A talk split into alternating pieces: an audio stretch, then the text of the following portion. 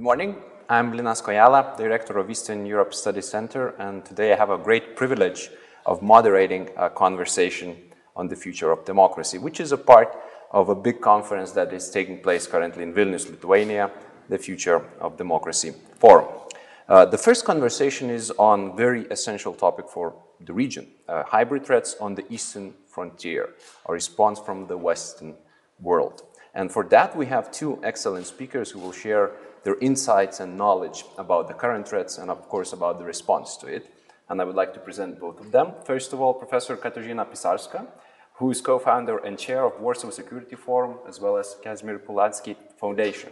She is also the vice president of the European Forum of Alpbach, the founder of the European Academy of Diplomacy, and expert of the World Economic Forum. She also holds academic positions at the Warsaw School of Economics and University of Southern California in Los Angeles. Welcome. Thank you. And welcome. Dr. Marie Mendras, she's professor at Sciences Po University and research fellow with the National Center for Scientific Research in France. She's been author of various books on Russia and authoritarian regimes, and she also regularly publishes on Russian domestic and foreign policy in the media, including pieces at Le Monde and other media outlets. So I'd like to start our conversation by asking you, Professor Pisarska, how do you see today's situation? Because probably when we talk about the authoritarian regimes and the threat to the Central and Eastern uh, European countries, we talk about migration, weaponized migration, mm -hmm. hybrid threat. So how do you see today's mm -hmm. situation and, and, obviously how we can imagine the future of it? Mm -hmm. I think one of the things that surprises some of our more Western partners is that more and more we, at least in Poland, but I think also here in Lithuania, we feel that we are at war. And the war today is a completely different war. It's much more difficult to define and also, and thus address because it's a hybrid war. And there's three major instruments right now used against uh, Central Europe. Uh, the, these are, of course, used by Russia and by Belarus and the uh, Lukashenko regime. Uh, it is uh, the question of disinformation, this is the question of energy, and of course, the question of migration.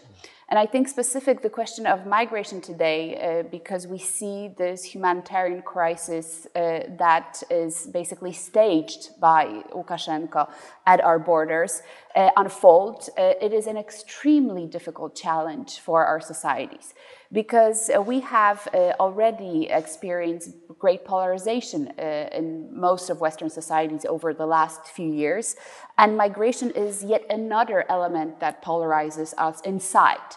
So the question how we should respond to it is not as obvious as one would think, because there are those who say we need to be tough, close the border, do not let anyone in. And there are those who show the humanitarian aspect of the problem and say, but these are also children, women, people in despair. Uh, they want a better life, and but we should at least uphold our humanitarian principles.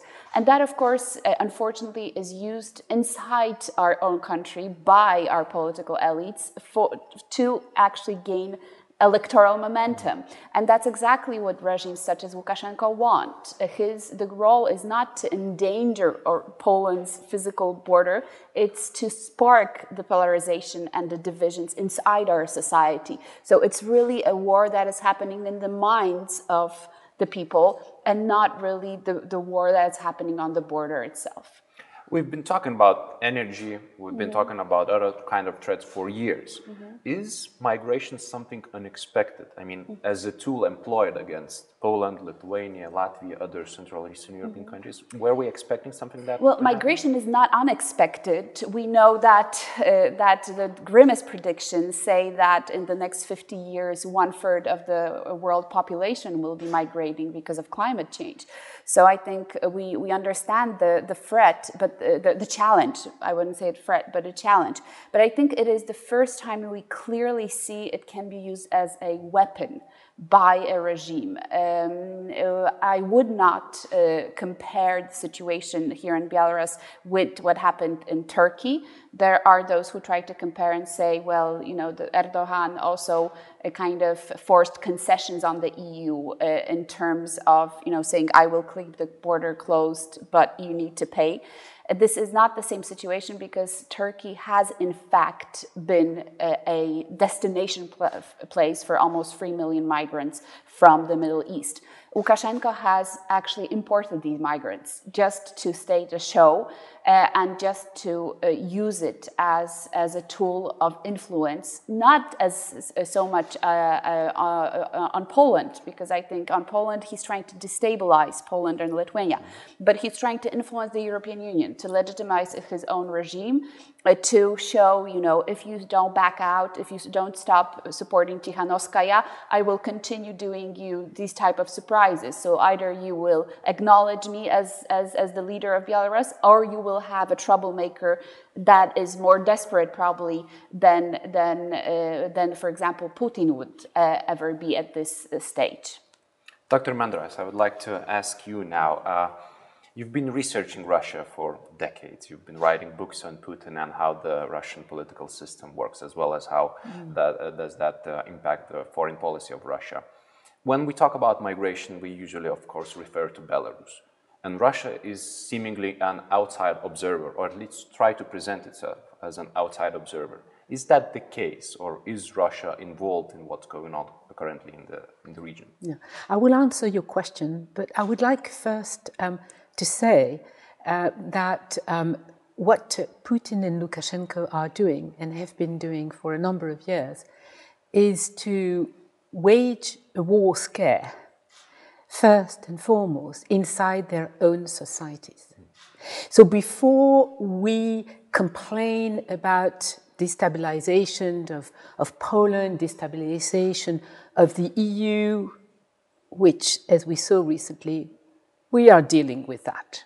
I mean, this, you know, chaos created by Lukashenko, I think it's almost over, and I think with uh, Katerina will come to uh, temporary conclusions. So let us remember that the problem with the two autocracies, uh, with a man in Minsk that is still there and having control of Siloviki, uh, a number of administrations and resources. This man would not be in Minsk had he not been supported by the Russian regime all along. And when Putin made the decision that he won't let Lukashenko fall, uh, that was clear that Lukashenko would depend on money, uh, energy, uh, logistics uh, from uh, Moscow. And this is why we can say without any doubt that this crisis, this spoiling at the uh, external border of the EU and border of Poland uh, could not have happened had not the Russian regime supported Lukashenko. So the question is not who gave the order, you know, who had this, you know, crazy idea to.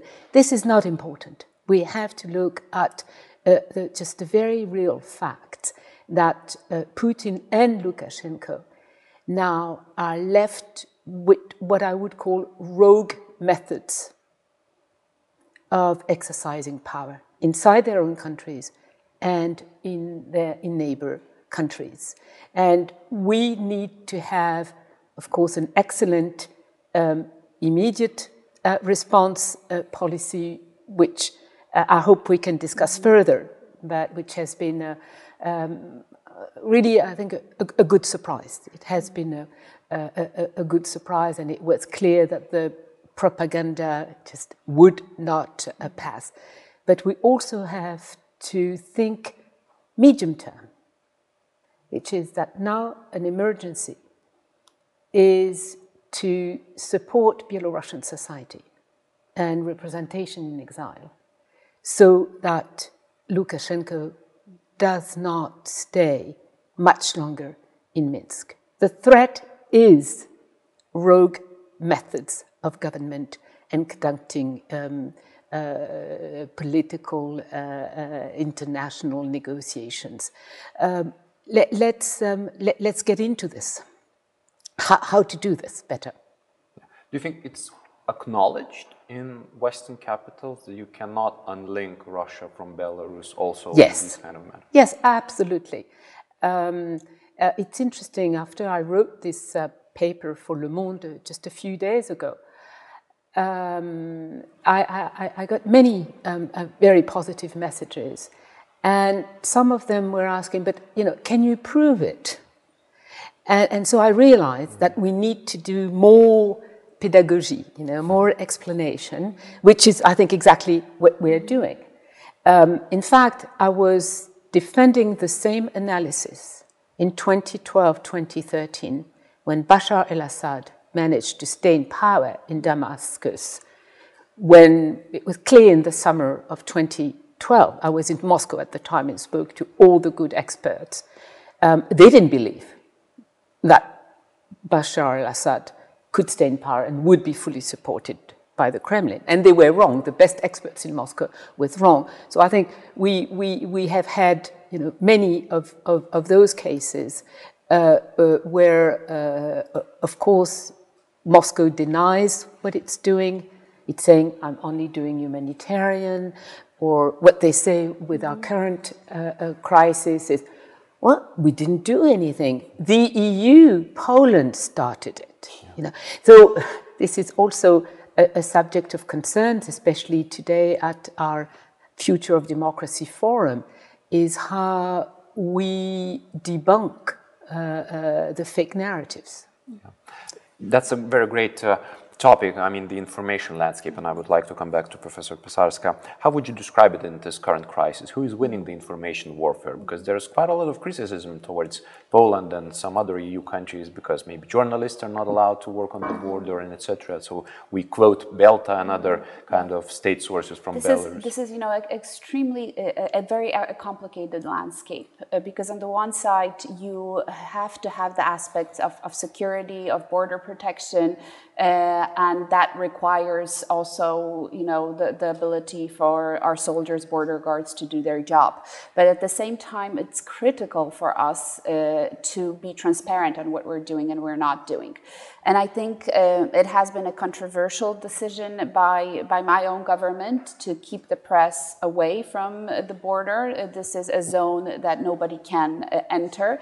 And of course, Lukashenko is using this uh, ruthlessly by allowing CNN, BBC uh, from his side of the border. And you, of course, see you know the pictures from the camp or you see you know people that are being pushed and you don't see how the Belarusian regime actually is trying to destroy the border actively uh, uh, and, uh, and, and actually pushes the people the other way. So that information aspect is key, and I don't think we're doing a great job, but this is, this is uh, an element that I think is under revision currently in Warsaw. Uh, there are ideas to, uh, to bring a, a, you know, a selected group of, of, of outlets, news outlets, uh, to be able to approach uh, and work on the border with with the soldiers. And I think it's it is absolutely necessary. But of course, you know, this transparency also means that many uh, of our own citizens, you know, see the people for whom they are, you know, migrants, children, women, and so on. And that also weakens or might potentially weaken our response or resilience. And again, it's, it's, it's a very difficult thing because there is an ethical and there is the security aspect. And I don't think anyone has the right answer, you know, the, the, the, exact answer of how to deal with it, because that's what exactly Lukashenko wants. He wants you to have this moral, uh, you know, let's let them all in uh, and allow them, you know, and, and let's open the border. But at the same time, opening the border will also lead to further escalation and further uh, groups uh, coming in. Uh, and that is also that's also in a way allowing the black blackmail he's doing to succeed. So i think this is this is a, a huge challenge we're facing right now. Dr Mendras how does it look from the paris perspective the information landscape on, on this particular crisis? Well uh, i think as of today um, most um, reasonable media, serious media, um, acknowledge uh, that uh, Lukashenko's um, blackmail has failed, completely failed. Um, uh, the question in Paris uh, still is, you know, how do we deal with the Kremlin? Mm-hmm. Uh, I think there, there is a, a clear understanding um, that Vladimir Putin is cornered. You know, he he can blackmail, he can um, mass um, his men at the eastern border of Ukraine, he can build fake narratives, he can uh, support uh, so called populist um, movements uh, or, uh, um, let's say, or, or, or leanings uh, in, in our countries. That's really all he can do. Um, the problem we have, and I think uh, Warsaw has, and, and, and all our capitals have, is that in Moscow we only have one interlocutor, and this is Vladimir Vladimirovich. Even if you talk to Sergei Lavrov, you don't know what, what authority he has. So we are stuck with an authoritarian, more and more dangerous leader, who is um, uh, making harebrained decisions, and often, from my point of view, making mistakes. And so, you know, the more he makes mistakes, the more he feels um, besieged, uh, the more his situation at home is deteriorating, the more he has to deal with uh, men like Lukashenko, but has no good ally uh, and, and is more and more isolated the bigger the challenge for all of us.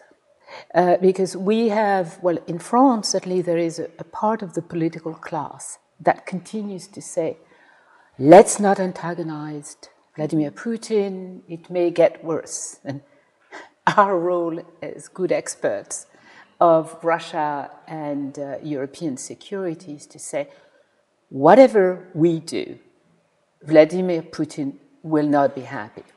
So let's think in terms of what our priority is, what our priorities are, what our capacity is, and how to continue what we've been doing in recent years, uh, but do it better and stronger, which is think together, make decisions together in Europe or NATO, mm-hmm.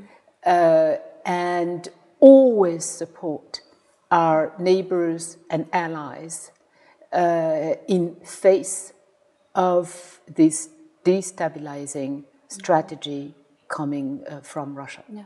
And if I can add one thing, I think we have to also remember, uh, apart from what has been said, supporting uh, also the civil society of Belarus, uh, Svetlana Tikhanovskaya, and, and all the people that, uh, and not forgetting uh, almost 700 political prisoners right now mm. that are currently held in Minsk and, and other places.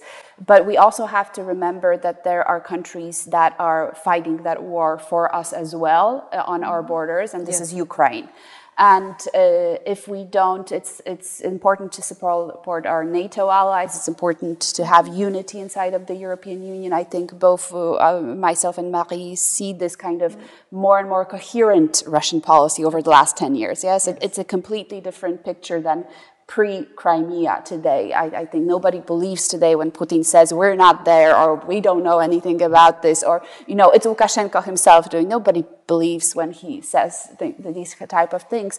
So we've become much more realist. However, we still fail to fully support Ukraine and fail to fully acknowledge what happened there in 2014, that we had an annexation of a country's territory, that we had a fake war waged on its borders, and this war is still a hot conflict that actually can go away like this if Vladimir Putin decides it goes uh, away. So I think, I think we need to remember about Ukraine, about Georgia, and uh, not allow to fall into what Putin wants, uh, into this uh, idea, realist idea of sphere of influences. Because that's his ball game. That is his end game. I, I, think there is one thing that would make him happy if he would sit at the table with China and the United States and say, uh, you know, this is my territory, this is my sphere of influence, and let, let it be, you know, Ukraine, Belarus, maybe, you know, Poland, Lithuania, who knows where we, we will be in a few decades. And this is your uh, sphere of influence and, and a big concert of powers. That the, is his idea. Is, but we can't accept that. That is no, unacceptable. The, the, problem, the, problem, is that um, Vladimir Putin no longer has a sphere of influence. Mm-hmm. I mean, he's been destroying it consistently. Absolutely. You know, now he has antagonized Ukrainians who didn't want to be antagonized mm-hmm. by the Russians. No. The, he has antagonized the Belarusians, the Georgians, now the Armenians as well. Uh, and he tries to antagonize other mm-hmm. uh, uh nations uh, uh, in, uh, in Europe. so there is not even a, a mm-hmm. about Russia's sphere of influence. It's no longer there. It's an, a sphere of spoiling, mm-hmm. it, a, a, fear, a sphere of destabilization in the confrontation mm-hmm. with Western countries and Western organization. And from what I hear from my friends uh, in Russia or outside Russia, but still have very close contacts with um, Moscow elites, let's say, um, they do believe that even in the Kremlin, nobody believes that there is a possibility of rebuilding some kind of community of influence in former uh, republics uh, of the Soviet Union. And um, the conclusion, I think, is that Vladimir Putin is in survival mode and he's not a conqueror. He has no grand strategy, no great ambition. Uh, he is more, in fact, in a defensive position. But when an autocrat is in a defensive position, he has to look offensive. Yeah, and that makes him the more dangerous, uh, I think, especially the, the, the, the, worse the situation economically will look. And we know that the situation for an average yes. Russian right now is grim, to say, say the least. And this uh, model of prosperity that has been functioning since 2000 around uh, high prices of oil and gas has actually been gone since 2013, 14 then you constantly need some kind of another way of uniting Russians uh, again uh, around a because mm-hmm. And uh, even his uh, attempts to make the, the West be that enemy this has not succeeded. The recent polls have shown that less and less Russians actually believe the West is the enemy. Even less and less Russians believe that the United States is the enemy. Yes, so so so even that is whining. Uh, so so he has to find another way to reinvent himself and the legitimacy of the regime. If it's not economically delivering, it has to deliver in terms of of, of political greatness.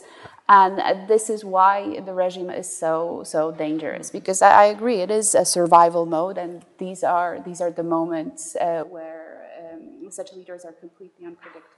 Well, yeah, there are certainly multiple other aspects that we should touch upon, but I think this is a very good conclusion. We've started off with a negative perspective, an attack, and concluded that the West is not necessarily losing out, especially in the medium or long term. And I would like to thank uh, Professor Katarzyna Pisarska, Dr. Marie Mendras for sharing insights on this very important topic. Thank you very much for being here. Thank you. Thank you.